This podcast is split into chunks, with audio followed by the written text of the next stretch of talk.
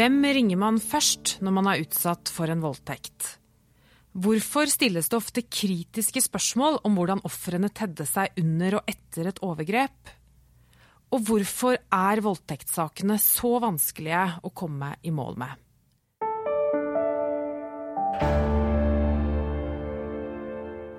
Dette er en podkast fra Kripos, og jeg heter Ida Dahl Nilsen.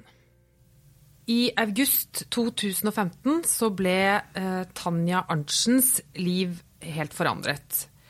Hun eh, møtte en mann som hun hadde truffet via en datingapp.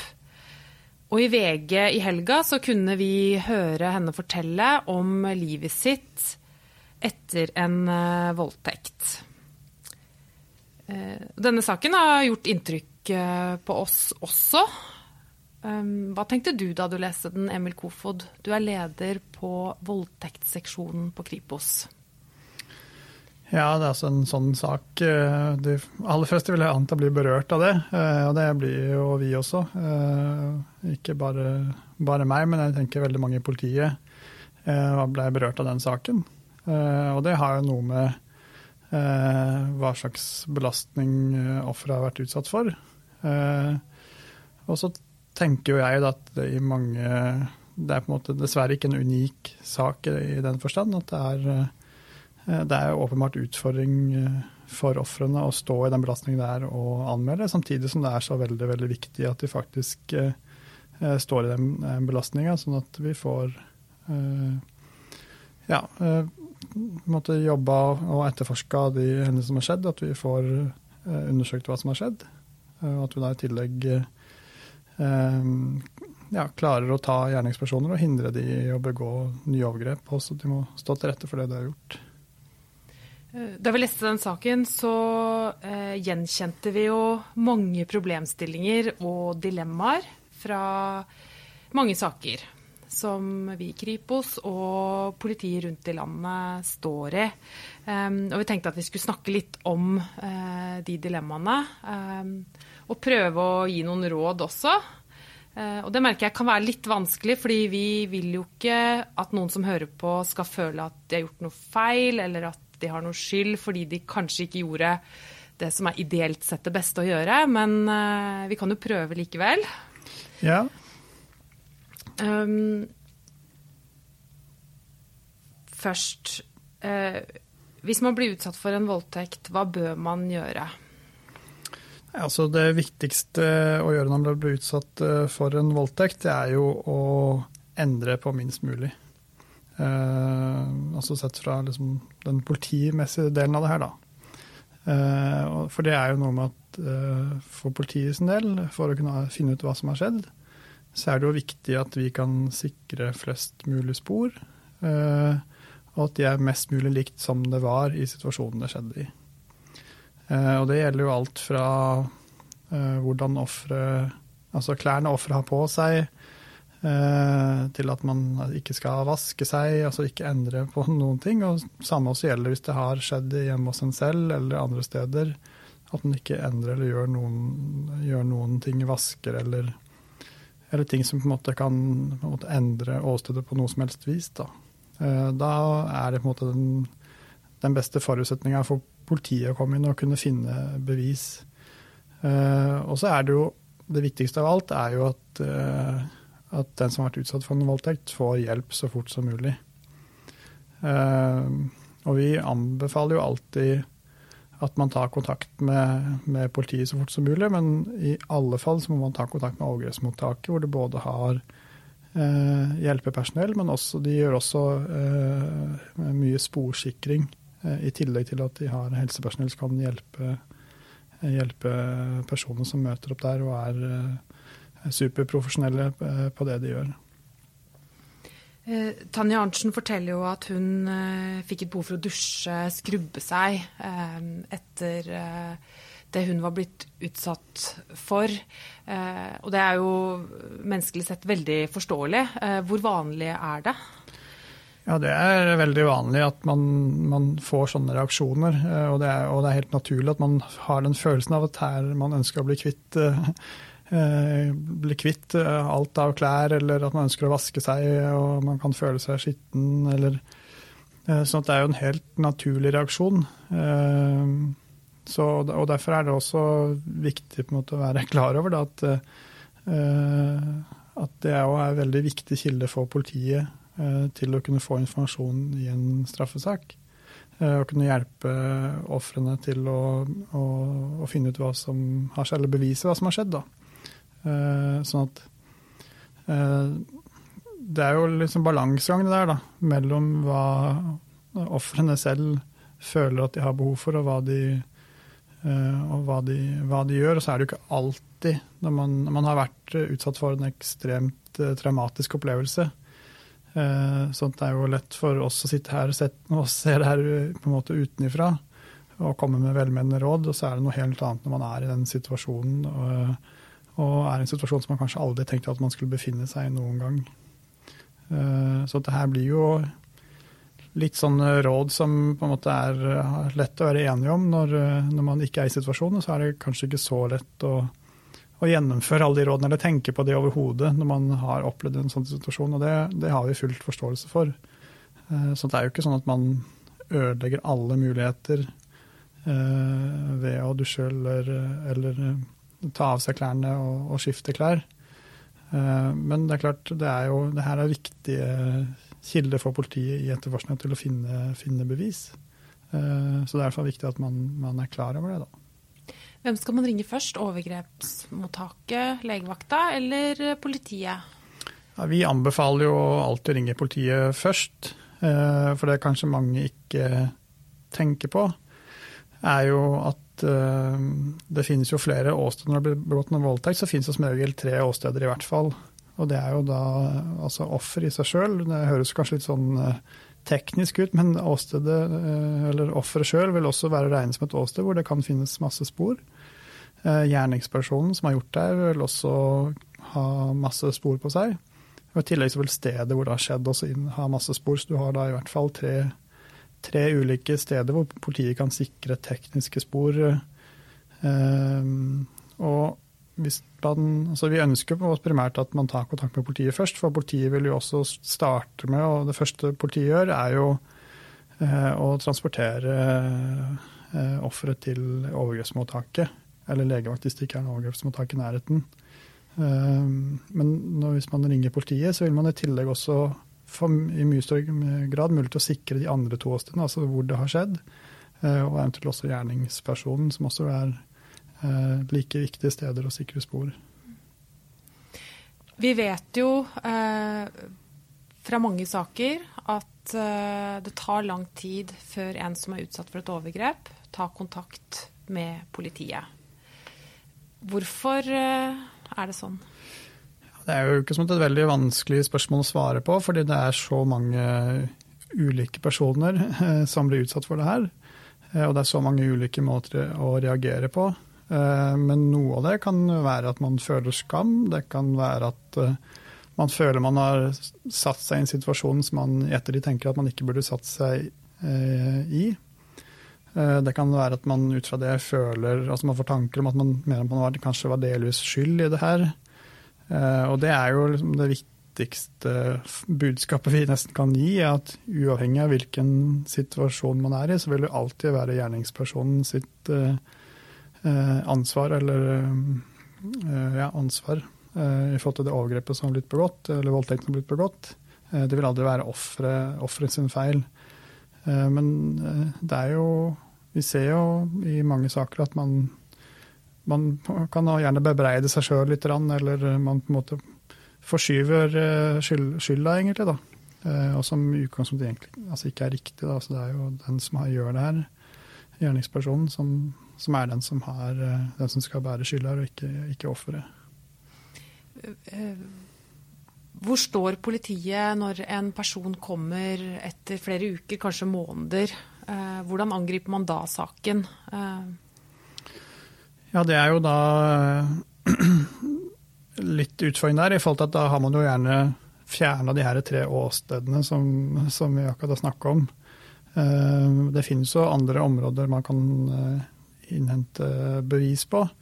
Eh, men det er jo litt ofte er det jo forklaringer fra involverte som er veldig viktige kilder til informasjon. Men så ønsker jo politiet også alltid å på en måte verifisere de opplysningene som noen forteller om.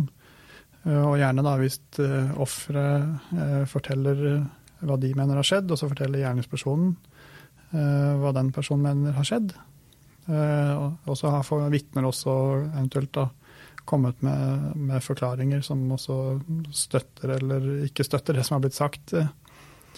Uh, og det er jo ofte veldig sånn utfordrende saker å bevise, fordi uh, i mange av de her så er det heller ikke noen vitner til selve handlingene. Det blir bare uh, offeret sin forklaring mot gjerningspersonen sin forklaring. og så er det jo sånn i rettssystemet i dag at hvis du skal dømme, så skal det være bevist utover enhver rimelig tvil. Og det det egentlig vil si, at du skal være 100% sikker på at den personen her har eh, gjort det som personen er tiltalt for. Og hvis man ikke er 100% sikker på det, så skal utgangspunktet personen ikke dømmes for det. Og det er jo der vi ofte ser at det blir en stor forskjell mellom, eh, mellom på en måte det offeret føler de har opplevd og forklart eh, til politiet. Eh, og det som da skjer i, i rettssalen. Men det er jo rett og slett eh, fordi Norge er jo en rettsstat som følger det prinsippet da, at man mener at det er bedre at eh, ti skyldige går fri, enn at én uskyldig blir, blir dømt. da. Nå jobber du på Kripos, men du har jo også jobba ute i politidistrikt og tatt imot uh, um utsatte for overgrep eh, i det vi kaller initialfasen, da, eller i liksom det første steget mm. i en etterforskning. Um,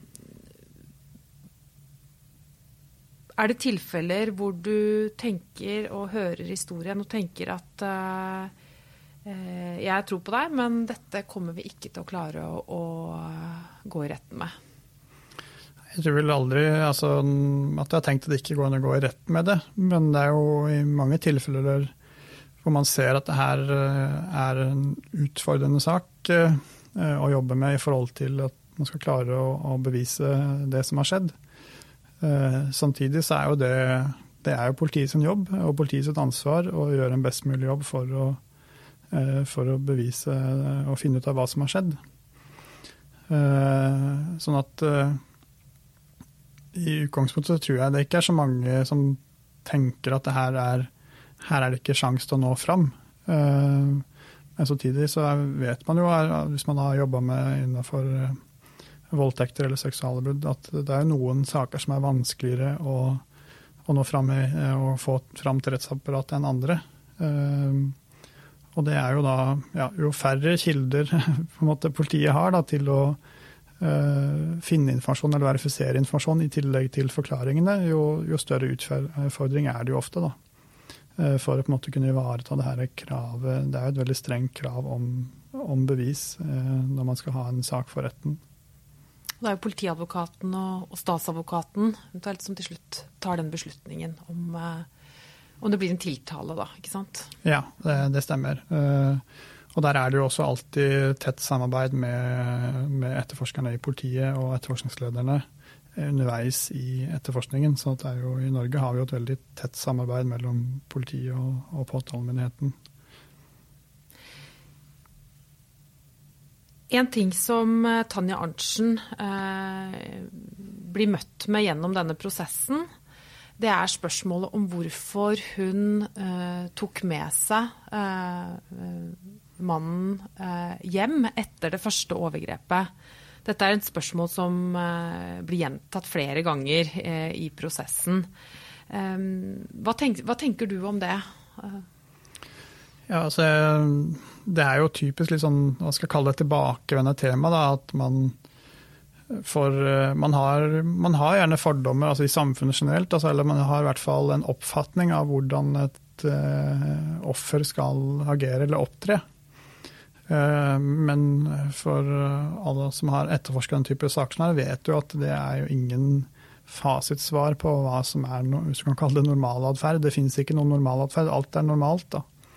Man har så mange ulike måter å reagere på, eh, og de, eh, de overgrepene jeg blir utsatt for, er så ulike. Sånn at det er på en måte ikke noe, noe normalt eller noe unormalt med en sånn type oppførsel. Du må tenke på her at de har jo vært utsatt for en veldig traumatisk og belastende opplevelse. Og da, og da er det på en måte reagerer vi mennesker veldig ulikt. Eh, så det finnes jo, det viktigste her liksom at det, det finnes ikke noe riktig eller gal atferd her. Eh, måte, vi mennesker er forskjellige, og vi reagerer ulikt og eh, opptrer ulikt. På tvers av alle, alle, personer, egentlig. Så det å ikke klare å protestere, det å fortsatt snakke med den som har utsatt deg for et overgrep, til og med lage rundstykker på morgenen etter, som Tanja Arntzen fortalte at hun gjorde. Eh, det har ingenting å si for hva som har skjedd eller ikke. Nei, eh, det har ikke det. Eh, og det er jo viktig å, å få fram da, at, eh, at måtte, hvordan man reagerer på ting, ting, man har vært utsatt for, av veldig store traumer og belastninger. Det er på en måte ikke noe sånn rett fram enkelt svar på det. Fordi man er så forskjellig som mennesker, og fordi man har med seg ulike ballast og ulike erfaringer i livet som, som også kan være med å påvirke det. Eh, og så er det jo for mange, er det jo, altså heldigvis, da, for de aller fleste, så er man jo plutselig satt i en situasjon som man aldri hadde tenkt at man skulle befinne seg i. Uh, som gjør at man har rett og slett ikke en hva skal jeg si, man har nesten ikke en verktøykasse på hvordan man skal klare å håndtere det her sjøl. Men man måtte stå overfor en utfordring som man bare ikke helt Man har aldri vært borti det før, har ingen erfaringsgrunnlag på det, og det skal vi være veldig glad for. Men samtidig så gjør det også at Eh, det på en måte ikke er noe som kan karakteriseres som en sånn normal atferd på det. det. det. er alt eh, fra at noen eh, kjemper imot og slår og, og, skriker, til andre som er helt passive eller ikke gjør noen ting, eller eh, baker rundstykker, eller ja. Mm. Bare skyte inn at uh, mannen som eh, da ble stilt for retten i Tanja Arntzens sak, han ble først, først, dømt, men så døde han før ankesaken kom opp, så den dommen er opphevet. Eh, bare så vi har presisert det også, eh, når vi først tar utgangspunkt i en enkeltsak.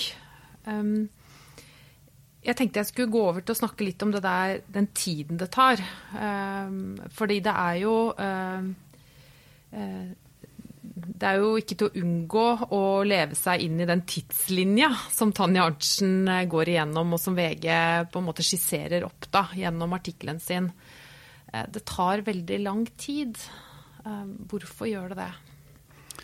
Ja, Det er nok et, sånn, si, et sammensatt spørsmål, egentlig. Men vi ser jo altså For det første så har det jo vært en veldig stor økning i altså seksualbrudd generelt. Eh, men i tillegg så har det også vært en veldig altså Det har jo vært høyeste prioritet i politiet de siste årene å etterforske og eh, den type saker. Eh, men vi ser jo også at politiet må prioritere blant de prioriterte sakene. Og typisk Vi har jo hatt veldig mange grove saker som går på internett og som berører barn. Eh, eller at eh, distriktene får inn akuttsaker, egentlig. Eh, som gjør at det har skjedd en voldtekt i, i natt eller i går kveld som, hvor man er nødt til å prioritere. Og det gjør jo til at vi ser jo mange eksempler på at voldtektssaker ofte kan bli litt skadelidende i den, i den sammenhengen.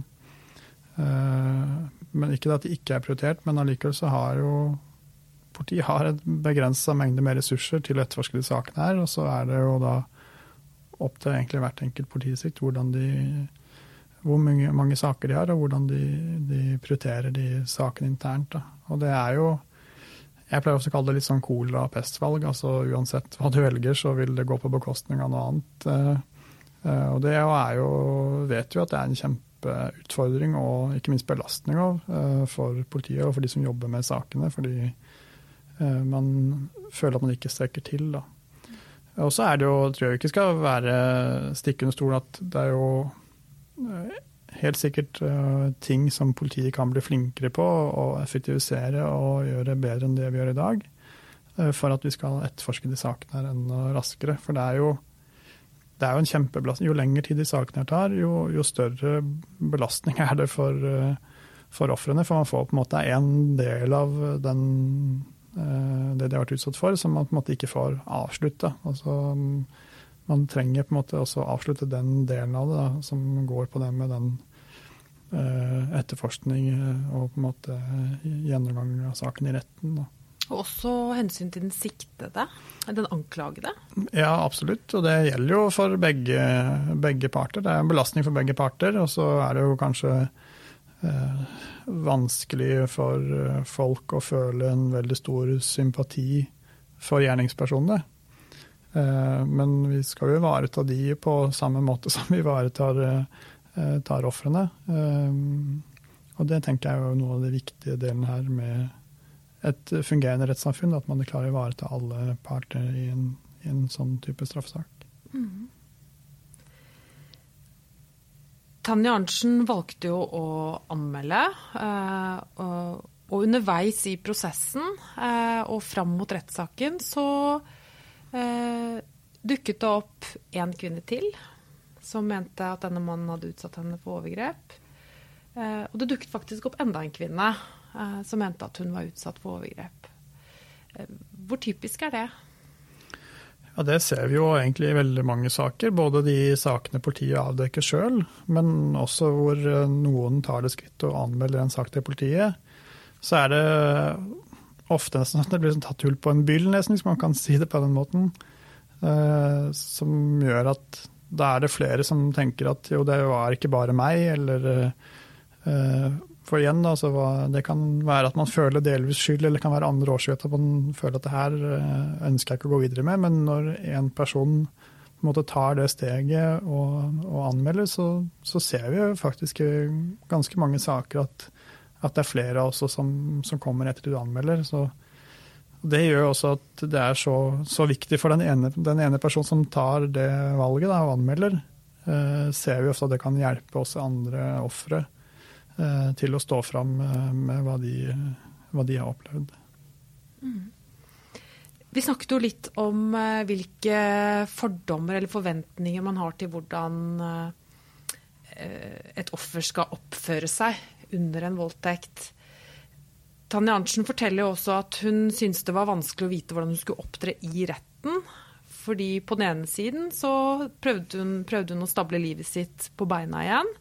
På den andre siden så uh, følte hun at hun måtte oppfylle en forventning om hvordan det var å være et offer. Hva tenker du om, om det dilemmaet? Nei, og det der uh, er jo også Altså det er jo vanskelige ting uh, i utgangspunktet. Fordi både for Eh, når man er i retten, så er jo det jo en, en setting eller situasjon som er veldig fjernt for de aller fleste. Og spesielt hvis man er en del av saken, enten eh, ja, som offer, da. Uh, og så er det nok en, en, blanding av at noen har jo tenker åpenbart at de har et bilde av hvordan et offer skal være. Uh, og det F.eks. at offeret skal være lei seg og, og nedbrutt og Eh, på en måte framstå som et sånn tradisjonelt offer, som man kan kalle det, som man har kanskje tenkt på det tidligere òg. Eh, mens jeg tenker nok eh, det er veldig viktig at vi som samfunn er kanskje enda flinkere enn vi er i dag til å, å snakke om offerrollen. da. For det er jo også noe med at ofrene skal jo ikke de, altså, de er jo ikke et offer resten av livet. De her er jo på en måte, de, er, de var offer i den situasjonen Eh, de opplevde, eller det overgrepet de opplevde.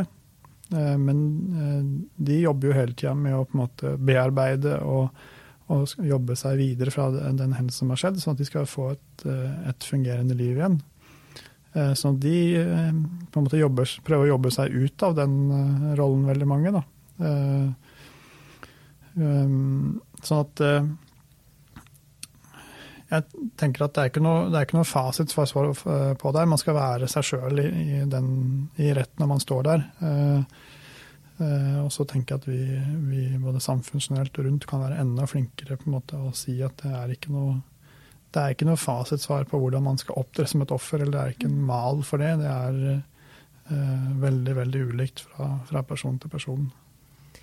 frifinnelsesprosenten i voldtektssaker er jo høyere uh, enn på mange andre kriminalitetsområder. Hvorfor er det sånn? Nei, Det henger nok sammen med at en del av de sakene er vanskelig bevismessig. Altså, og det er jo litt um, Det er egentlig to ting. Det, er, det, viktige er jo å tenke på at uh, selv om på en måte bevisene ikke holder uh, i forhold til å dømme noen, uh, så betyr jo ikke det, det dermed sagt at, at man ikke tror på personen. Men, eh, men, som sagt, når vi har det prinsippet da, om at det er bedre at eh, ti, eh, ti skyldige går fri enn at én blir dømt, så vil det nok kanskje for mange føles altså uforholdsmessig strengt. Da. Men vi tenker jo at det er et, et riktig prinsipp, selv om det, det nok for mange vil føles da som et nytt overtramp at man føler at gjerningspersonen ikke blir dømt, selv om de sjøl vet hva som har skjedd. Og, uh, men det er jo den bevismessige situasjonen i de sakene som kan være veldig krevende. og da Spesielt hvis det blir anmeldt lenge i ettertid, og at man uh, står igjen på en måte med en forklaring fra, fra den som er utsatt, uh, og en forklaring fra, fra gjerningspersonen. og så er det på en måte ofte få muligheter for politiet å verifisere om den ene er mer troverdig enn den andre. Uh, og så er det jo politiet sin jobb er jo verken å dømme uh, eller på en måte ta side. Politiet sin jobb er i utgangspunktet og mest mulig objektivt uh, innhente opplysninger og avdekke hva som faktisk har skjedd. Og så er det jo opp til retten å, å komme med en, på en, måte en dom da, om, det her, om det, er, holder, og bevise at det har skjedd eller at det ikke har skjedd. At man ikke har nok bevis. Mm.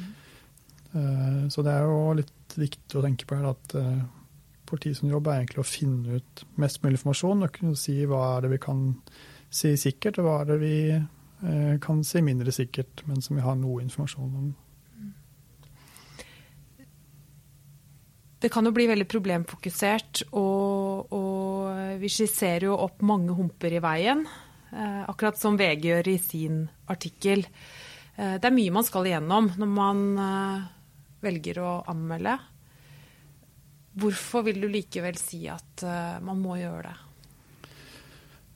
Nei, altså det, det er jo flere ting, da. Eh, det ene er jo for, for mange offer, så vil, selv om det er en kjempebelastning for veldig mange å, å, gjennomgå en sånn type prosess, både med etterforskning og, og videre vente på rettssak, og så gjennom rettssaker og kanskje flere rettssaker, Eh, så er det også med på å for mange å avslutte et kapittel. At, eh, og en, for mange en sånn følelse av eh, rettferdighet.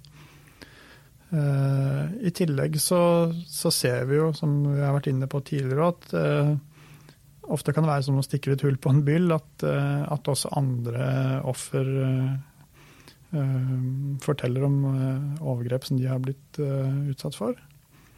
Eh, og så er det jo viktig at de gjerningspersonene som gjør det her, at man faktisk eh, får stoppa de.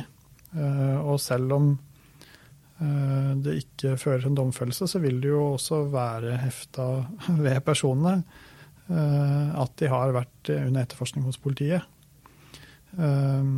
Som gjør jo også at hvis det kommer andre anmeldelser på et senere tidspunkt mot samme personer, så har man jo på en måte også mulighet til å se ting i sammenheng med det som har skjedd tidligere eventuelt også.